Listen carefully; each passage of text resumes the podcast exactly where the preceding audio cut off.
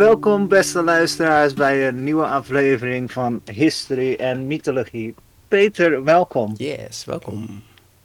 Het uh, kerstseizoen is over. Uh, alle kerstfilms uh, kunnen weer in, de, in de kast.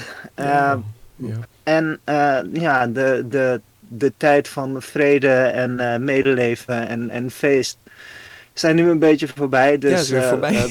ja. ja. het is weer klaar. Dus Peter, uh, wat, wat denk je ervan?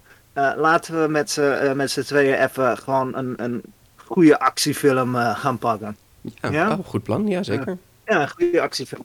Ken je dat ook? Dat je af en toe gewoon even een, een film nodig hebt waarin iemand gewoon heel veel mannen uh, bevecht en uh, mm-hmm. alles, alles in elkaar slaat. En, ja, dat je misschien een beetje afvraagt van, is dit nog wel de good guy? Want hij heeft wel honderd mensen vermoord. Maar dat je denkt van, ja, het is toch wel met zoveel stijl.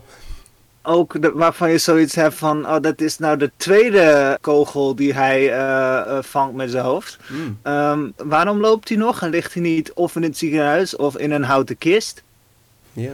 Ja, we denken allemaal dat gebeurt alleen in films, toch? Kan toch alleen maar ook in films? Zeker.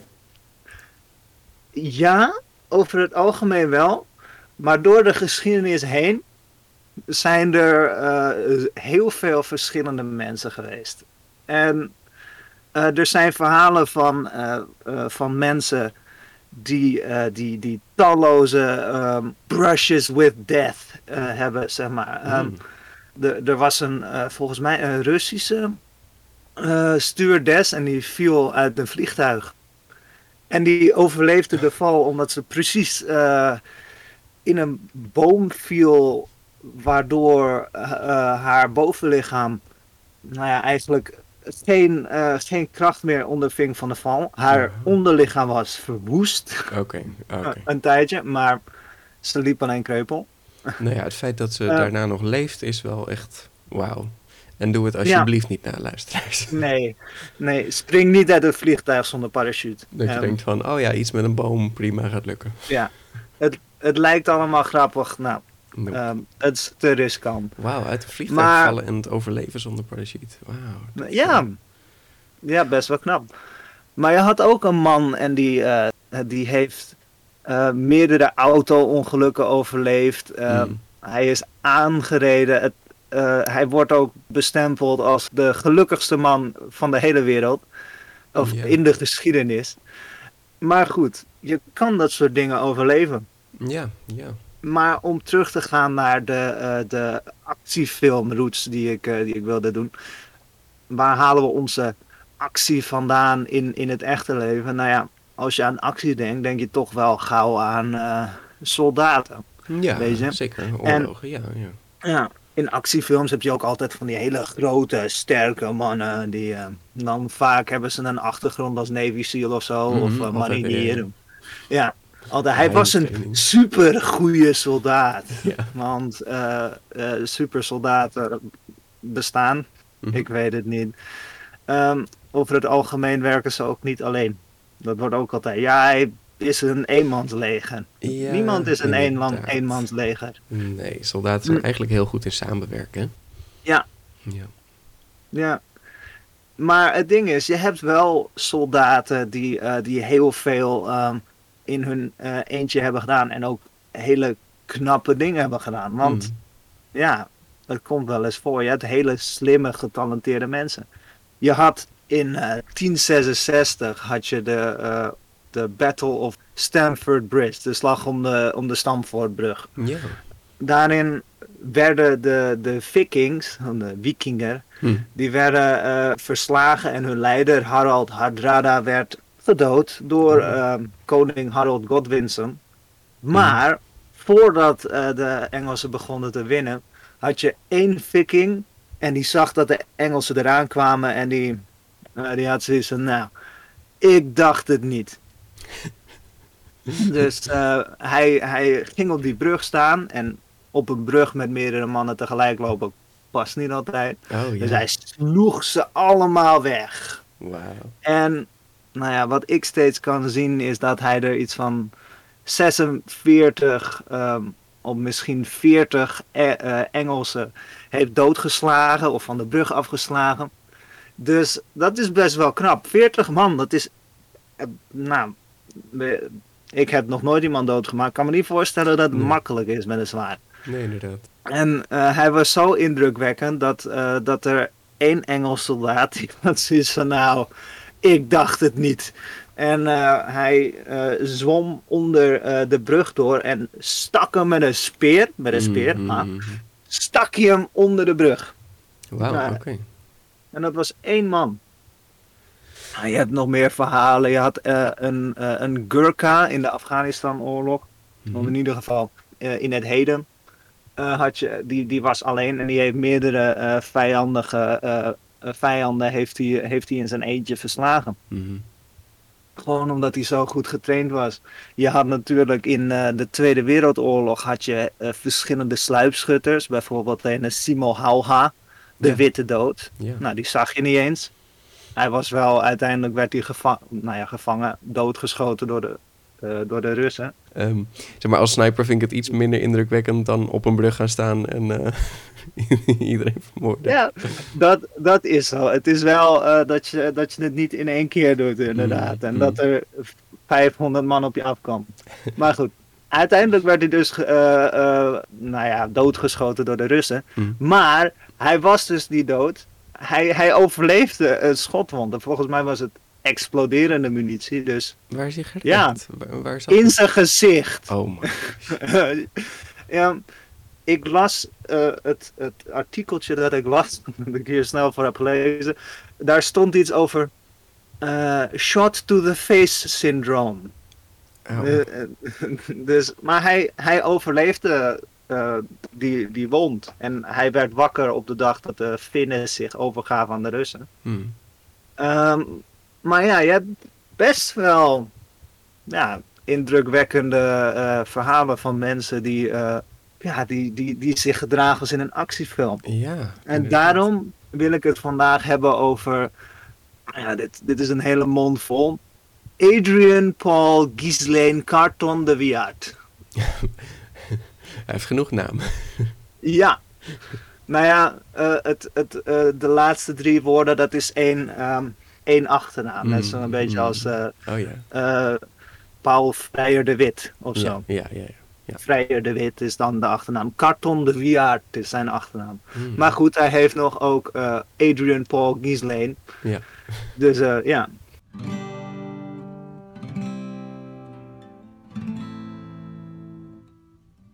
Meneer Paul Ghislaine werd geboren eh, van Belgische en Ierse ouders in Brussel In welk jaar? in 1880. 1880. Hij was eh, geboren in een aristocratische familie, dus hij had best wel, ja, hij had eh, veel geld tot zijn beschikking. Hmm. er werd door zijn vrienden werd er ook wel gezegd dat hij een, eh, een, eh, een bastaard was van koning Leopold II. Hmm, Ja. Er, er gingen toen eigenlijk al eh, eh, geruchten rond die man rond. Hij verloor zijn moeder toen hij zes was. Hmm. Dus daarom ging, hij, ging zijn vader naar Cairo. zodat, ehm, zodat zijn vader daar een, een baan kon beginnen. Eh, eh, en eh, zijn vader werkte dan eh, in de rechtbank. Oké. Eh, daar leerde eh, Adrian om Arabisch te spreken.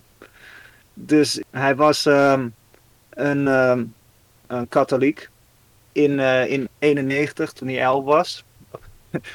Eh 1891 natuurlijk. Ja. Toen ehm, ging hij naar eh, een kostschool Hm. in Engeland.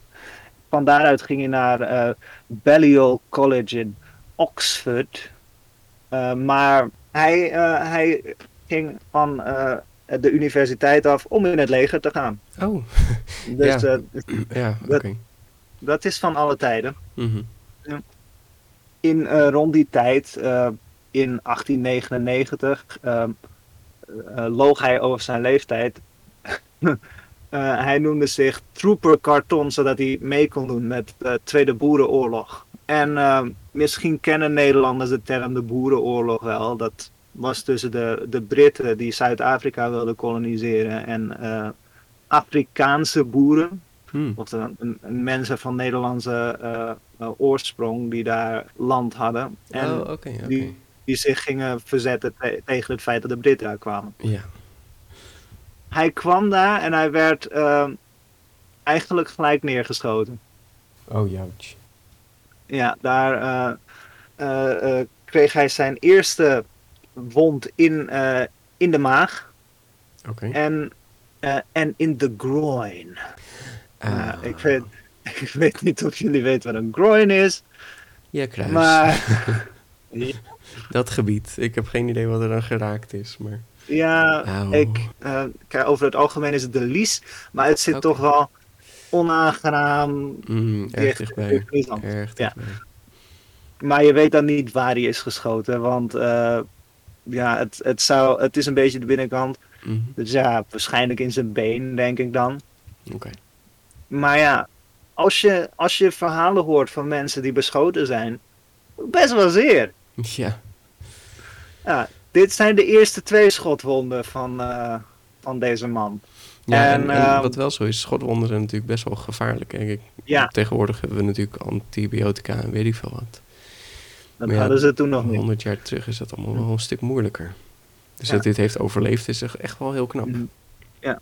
Nu waren de kogels natuurlijk wel van een minder groot kaliber en Hmm. minder destructief dan ze nu zijn. Maar nu heb je inderdaad antibiotica en toen had je dat niet. Een, een buikwond was, is nu eigenlijk ook gevaarlijk. Want ja, Ja, ja. in alles wat in jouw eh, torso zit, dat heb je nodig. Mhm. Eh, je, je kan het overleven als er snel, als er snel hulp wordt aangeboden. Maar ja, in die tijd met hun technologie, Ja, zo dat hij het overleefde. zeker. Hier kwam je er echt achter dat hij wel een, een beroepsmilitair was. Zeg maar. Hij voelde zich echt één met, met, eh, met oorlog. Hij Hm. vond het heel jammer dat hij eh, niet meer mee mocht doen, omdat hij een eh, schotwond had. Mhm. Wat ik eigenlijk niet snap, want ik zou eigenlijk niet verder willen vechten als ik een schotwond had. Ja, echt zo van, wauw, dit doen we niet nog een keer. Ja, En hij En denkt, hij- laten we nog een keer. ja, we gaan gewoon door. Maar ehm, ja, hij, eh, hij was vrij fit. Hm. En ehm, nou ja, rond zijn vrienden schold hij heel veel. Hm. En eh, nou ja, hij was echt, je, je ziet wel echt dat hij van eh, de aristocratie was. Want hij trouwde met een Friederike Maria Caroline Henriette Rosa Sabina Francisca Fugger von Babenhausen. Jeetje. Eh, de dochter, de oudste dochter van Karl, eh, vijfde fürst van Babenhausen. ja, dus vijfde prins van eh eh, Babenhausen. Ja, Ze hadden ja. twee dochters, waarvan de een helaas eh, jong, jong doodging. Maar ja, dat, dat was vroeger nog eh, zo. Ja, gebeurde vaker. Ja. En ehm, rond 1914 kreeg hij een, een nieuwe ophef in zijn, eh, nou ja, in zijn carrière. Hm. Want eh, Peter, misschien weet je dit. Ik weet niet of ik het er ooit over heb gehad, maar ja, er gebeurde wel iets interessants in eh, 1914. Hm. 1914, ja, ik geloof dat ik daar wel iets over heb gehoord. Eh, voor de nieuwe luisteraars, eh, we hebben het eh, in zes afleveringen gehad over de Eerste Wereldoorlog. Uitvoerig. en ik noem het een beknopt verloop. Ja, ja, inderdaad. Ja, je kan er nog veel meer, ja. Ja, ja.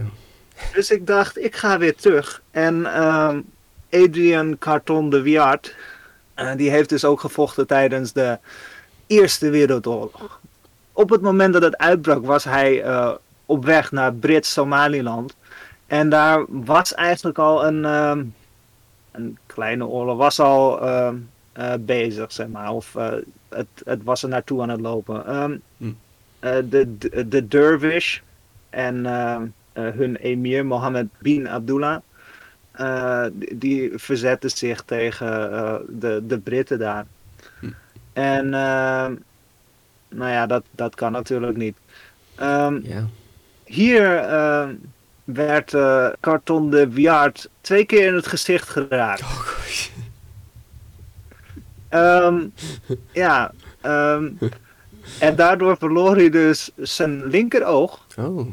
eh, en het zicht in zijn linkeroog. Ik Mhm. weet niet, volgens mij eh, was er wel wat van over, maar hij zag niks meer. Mhm. En een stukje van zijn oor. Oké. Ah, hier won hij dus ook de Distinguished Service Order. Dat is eh, een medaille in, eh, in het Verenigd Koninkrijk. Nederland heeft zijn eigen versies daarvan. Hm. En je zou denken, weet je, eh, dit, dit gebeurde op 15 mei. Je zou denken, we, we, we geven op, Dat is toch? wel goed zo, ja. Ja. Ja, ja, nee, op, in februari, dus dat was voordat hij de, de, eh, de eh, DSO kreeg, de Mhm. Distinguished Service Order. Ging hij eh, naar, op een stoomboot ging hij naar Frankrijk. Want ja, waarom zou je niet willen vechten op het Westfront? Ja, ik weet ook niet of hij nou geluk heeft of ongeluk heeft. Want kijk, hij overleeft het wel. En dit, dit is zo gemeen, want hij kiest er ook gewoon voor. Ja. het is, het, ik denk dat het meer geluk is, want ongeluk, daar kan je niet zoveel aan doen. Mhm. Hij kiest er gewoon voor. Mm. het, is, het is niet zo van, oh, hij wordt per ongeluk doodgeschoten omdat hij per ongeluk op een slagveld is. Nee, Nee. Hij, hij vindt dit leuk. Ja. Hij doet dit, hij doet dit omdat hij eh, het wil. Ja. Eh, er staat dat hij zeven keer is geraakt tijdens de, de, de Eerste Wereldoorlog. Ehm, hij werd geraakt door de schedel en zijn enkel. Door de schedel, mensen. Mhm. Dit gebeurde in de slag om de Somme, waar eigenlijk. eh, nou ja, dit was de fataalste slag voor eh, het Verenigd Koninkrijk. Nou ja, misschien wel ooit. Ja. Weet je, daar gingen zoveel jonge mensen dood. Hij wordt door zijn schedel geraakt en een enkel. Hm. En hij is er nog. En ehm, je moet je voorstellen, deze man was nou, tijdens de slag om de Somme 1916. Hij was 36. Mm. Weet je, de meeste soldaten zijn Ja, veel jonger. Ja. En hij was daar als ehm, oude man, was hij, was hij daar en hij overleefde het allemaal. Hij werd beschoten door zijn heup in eh, de slag om Passchendaele. Eh, het was een enorme shitshow van een slag eh, waarin mensen door de modder moesten kruipen en verdronken in de modder. Mm. Mm. Niet. Eh, in de slag om Cambrai werd hij door zijn been geschoten. En nog een keer door hetzelfde oor in Arras. dus eh, Huh. ja, hij, hij ging gelukkig wel naar een eh, verpleeghuis om daar te, eh, te herstellen. Ja, Doe- oké, dat dat, doet dat kan. wel. Ja. Nou, eh, hij, eh, hij werd gepromoveerd tot major in, of tot tijdelijk major in eh, 1916. Mm. En vervolgens kreeg hij, werd ging hij naar luitenant-kolonel. Dus deze, deze man ging heel snel. Ja, en ja. in 1917 werd hij brigadier-generaal. En eh, hij werd, daarna werd hij eh, eh, officer of the Order of the Crown van België. Niet, niet eens Oh. van de Verenigd Koninkrijk. Zelfs in België was hij populair. Wat ik Hmm. snap, want eh, nou ja, hij had natuurlijk een Belgische vader. Dus zijn naam was ook Hmm. Belgisch eigenlijk. Dus ja, Hm. in, in het Verenigd Koninkrijk werd het ook duidelijk dat hij wel best wel dapper was. Mhm. Want daar eh, kreeg hij het eh, Victoria Cross. Dat is eh, Oh. daar hun, ja, hun hoogste medaille en de, de hoogste beloning die een so- soldaat in het gevecht kan krijgen. Zeg maar. Denk aan de Medal of Honor. Ik denk dat die wat bekender is. Maar ook de, de ridderorde in Nederland. Oh ja, ja. ja. De- dit is vergelijkbaar. Oké. Maar weten we nou eigenlijk Ehm. ook of hij, of hij dingen bereikt heeft? Heeft hij, heeft hij wel mensen vermoord? Of kwam hij gewoon elke Eh. keer en werd hij neergeschoten? Daar, daar, wordt, eh, daar wordt niet zoveel over verteld, maar er wordt wel. ehm, hij, hij was aan het front, dus hij heeft Ja. ook wel ehm, Zal wel wat gedaan hebben. gevochten. Ja. En er zijn ook wel bronnen die zeggen dat hij inderdaad een aanval deed op Duitse linies en dat hij een aanval moest afslaan. Maar ik heb het in het geheel heb ik het onderzocht. Ja, maar het grootste gedeelte. Want eh, dit was niet zijn laatste oorlog. Oh, Nee, we gaan Stop gewoon gewoon. door. Ja, eh, want wat kwam er na deel 1? Wat komt er altijd na ja, deel deel 1? 2. Deel 2, de Tweede Wereldoorlog. Ehm, nou, aan het einde van eh, de oorlog werd eh Carton de Wiart eh, naar Polen gestuurd. ehm, om eh, eh, als ehm, eh, de tweede man van eh, eh, eh, generaal Louis Botha eh, te, te werken, zeg maar Mhm. om daar de orde te handhaven. Want ja, Polen was net een nieuw land. En ze hadden hulp nodig, want eh, ze, eh, werden eh, aangevallen door eh, de, de Sovjets. Die eigenlijk net waren eh, eh, ontstaan, Sovjet-Rusland. En die gingen nu al eigenlijk de Polen aanvallen. Oh, oké. En eh, de Polen werden aangevallen door de Oekraïners. Het was een beetje een, een, een nare tijd om, om, om toen te leven, zeg maar. Ja, Er werd veel geknopt eigenlijk. ja, ja. Dus ja, hij, ehm, hij werd daar neergezet om een beetje de, de, de orde eh, te handhaven. En eh, te ondersteunen, want eh, de Britten waren dan een beetje ge- gelieerd met, met de Polen. Hm. En nou, hij werd vrienden met de, de Poolse leider eh Pilsudski. Goeie naam. En rond die tijd ging hij met een, een, een vliegtuig mee dat neerstortte, waardoor hij eh, door Litouwers eh werd vastgezet. Wauw. Ehm, en daarna ging hij, werd hij weer vrijgelaten en ehm, mocht hij terug naar het Verenigd Koninkrijk. Hm. Maar goed, hij heeft Dus- dan ook weer een, eh, een vliegtuigramp overleefd. Ja, ja dat was toen wel, niet, ze vlagen toen wel lager. Hm. En hij had waarschijnlijk Maar- een parachute.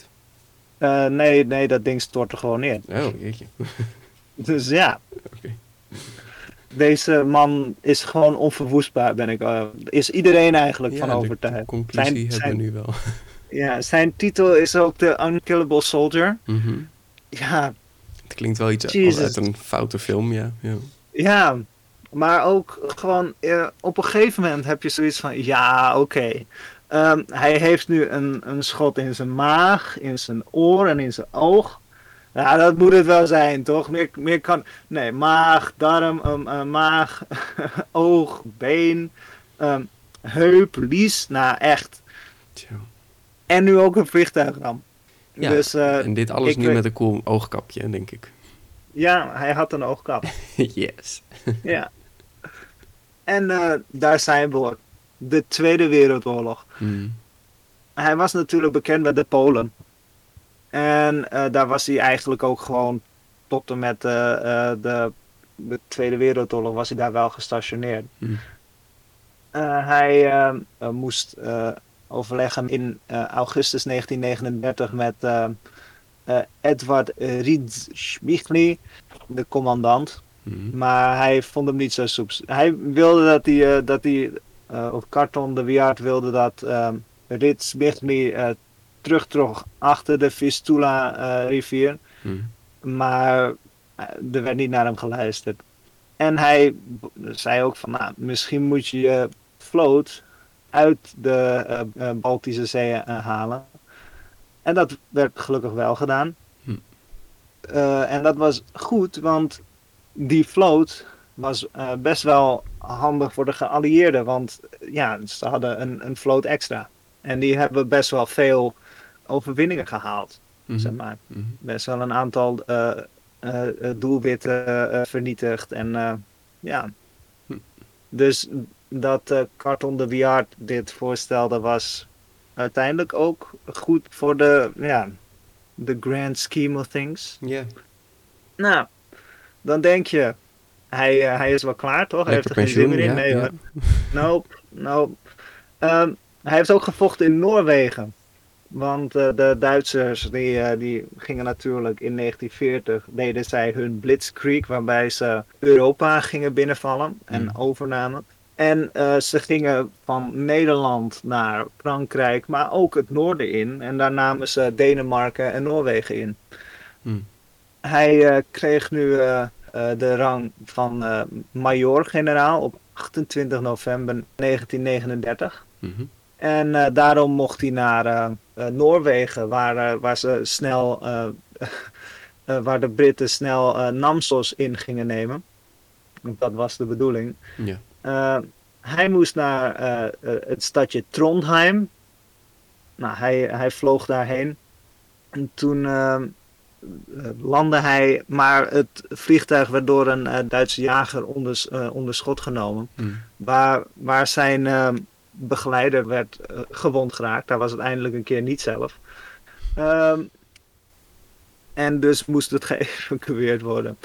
Um, toen eindelijk iedereen was geland, uh, bombardeerde de Luftwaffe uh, Namsos. Hm. de, er was afgesproken dat ze ondersteuning zouden krijgen vanuit de marine. Mm-hmm. Maar die kwam uiteindelijk niet. En daardoor werden zijn troepen eigenlijk aangevallen en uh, hadden ze het best wel ja. zwaar. Ja. Maar ja, alsnog werd er uh, gevraagd om, uh, om vol te houden.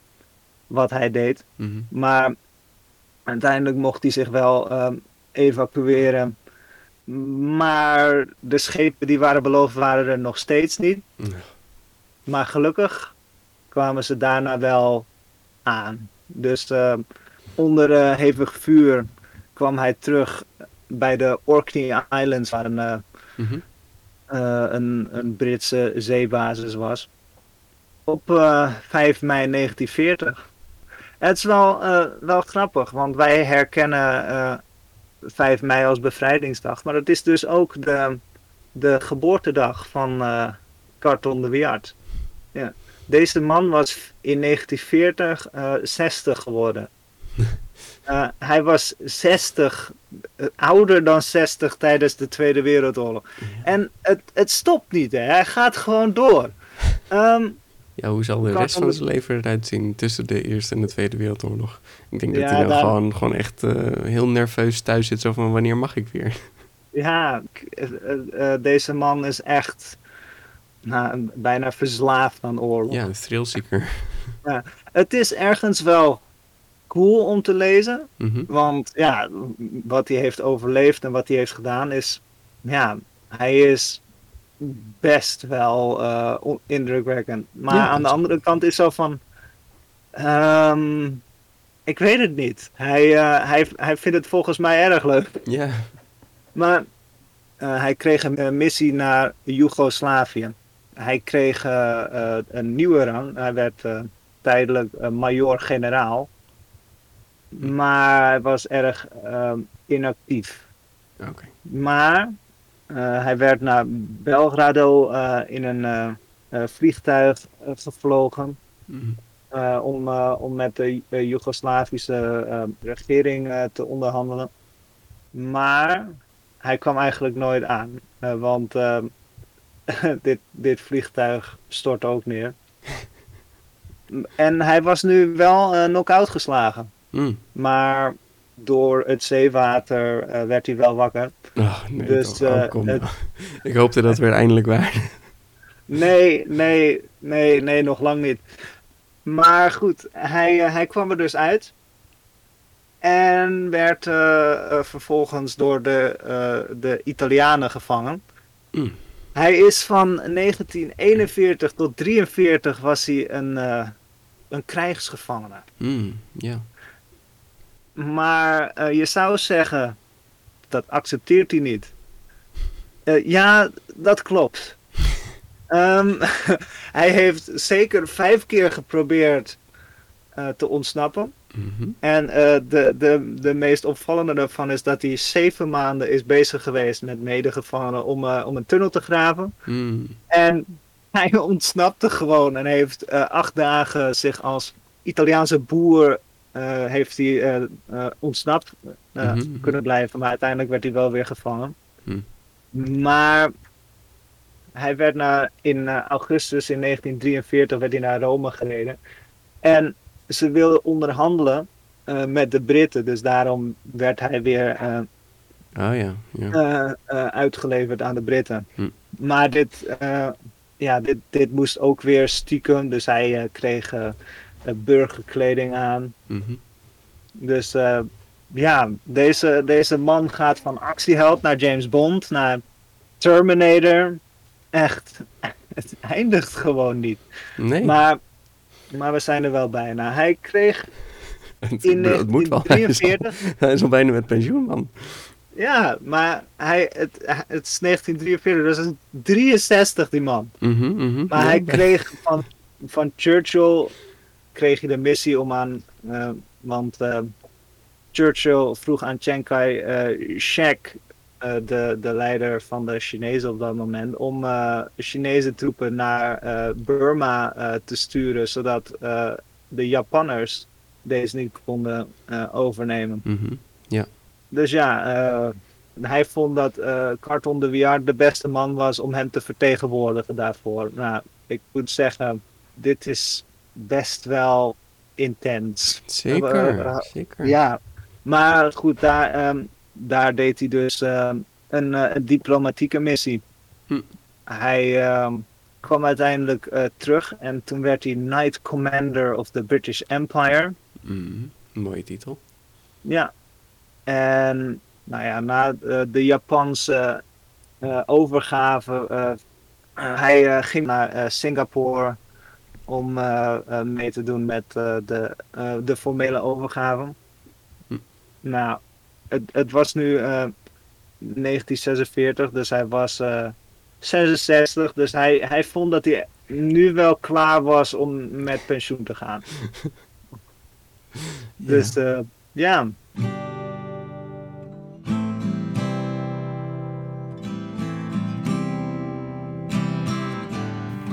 Hij eh, ging met pensioen in oktober 1947 als, luite- eh, als luitenant-generaal. Hm. Nou, toen hij eh, vanuit Friends eh Indochina eh, terug naar het Verenigd Koninkrijk wilde reizen, stopte hij in Yangon in Myanmar Mhm. Als gast van een legercommandant daar. Hm. En nou, hij liep van de trap af, eh, verloor zijn evenwicht, eh, eh, viel, viel van de trap af en brook verschillende ruggenwervels. Wauw. En viel weer knock-out. Ja. nou, in, in het ziekenhuis in Yangon, of Rangoon, ehm, eh, werd hij behandeld. Mhm. Zijn, zijn vrouw stierf in eh, 1949. Maar in, eh, in 1951, eh, toen hij 71 was, eh, hertrouwde hij met Ruth Myrtle Muriel Joan McKechnie. Oké. Ehm, die ook wel bekend stond als Joe Sutherland. Dat is een makkelijke Ehm, naam. Ja. En ze gingen, ze gingen wonen in Aggeneck House, eh Killy Nardrish in Cork in, in Ierland. En uiteindelijk in eh, 1963 op 5 juni, die man was nu 83, ehm dus stierf hij. Maar hij is gewoon, gewoon overleden aan ouderdom, zeg maar. Ja. Oké. Ja, dat, dat denken we wel. Ja. zeg Nee, niet, niet een groot ongeluk. Niet nog een spionnenmissie Eh, nee. tijdens de Koude Oorlog. Nee, hij, hij deed niet eh, eh, mee aan eh, eh, de Cuba-crisis of Oh, zo. ja. Eh, eh, nee, dat, het, op een gegeven moment was het zelfs voor hem eh, te bond, denk ik. Maar, Ja. maar ja, dit is het leven van een, eh, eh, eh, een man die, die, die duidelijk ge- genoot van Mhm. oorlog. Hij, hij heeft dan een aantal eh, dingen geschreven. Uh, zoals fra- frankly I had enjoyed the war and why do people want peace if uh, war is so much fun Oef. Ehm, ja Hm. het, uh, het laat een beetje zien uh, wat voor man hij was ik weet niet of, uh, of ik hem een oorlogsheld moet noemen of een, eh, een oorlogsmisdadiger. Ja. Weet je, ja, hij zette zich in voor zijn land. Ja, ja hij, deed, hij deed wat hij vond dat het best was. Ja. Maar ja, het, het feit dat deze man gewoon bij, eigenlijk praktisch onverwoestbaar is, uh, maakt het wel een uh, interessant uh, verhaal om te vertellen. Ja, totaal Want, ongeloofwaardig als je er een ja. film van maakt. Ja, niemand gelooft dit. Niet van, ja, um, sure. Um, als we hem dus even op een rijtje zetten. hij werd in zijn gez gezicht geschoten, in zijn hoofd, ja. in, zijn, in zijn maag, in zijn enkel, in zijn, uh, in zijn been, in zijn heup, twee keer in zijn oor. Uh, hij, hij was blind, hij overleefde twee um, uh, vliegtuigongelukken. Mm. En wat, wat ik nog niet heb gezegd, er was een moment dat een, een arts tijdens de Eerste Wereldoorlog, die wilde hem niet behandelen. Oh. En uh, nou, zijn, uh, zijn vingers waren beschadigd, dus toen heeft hij ze zelf geamputeerd. Oh, oh, oh my gosh. um, hmm. Ja, kijk, ik wil het niet te veel ophemelen, maar uh, deze man was vrij hardcore. Ja, zeker weten. dus wow. het, het is wel een interessant verhaal om, om te lezen, want blijkbaar zijn er mensen die dus, ja, die, die dus bijna, uh, nou ja, bijna, die dus uh, genieten van, uh, van oorlogvoering. Hij was een, ja, een soldaat in hart en nieren. Mm -hmm. Ja, ja, zeker. Dat, dat. Ik had niet verwacht dat we inderdaad nog bij de Tweede Wereldoorlog terecht zouden komen. Jeetje. Ja. Wat een man, wat een, wat een carrière.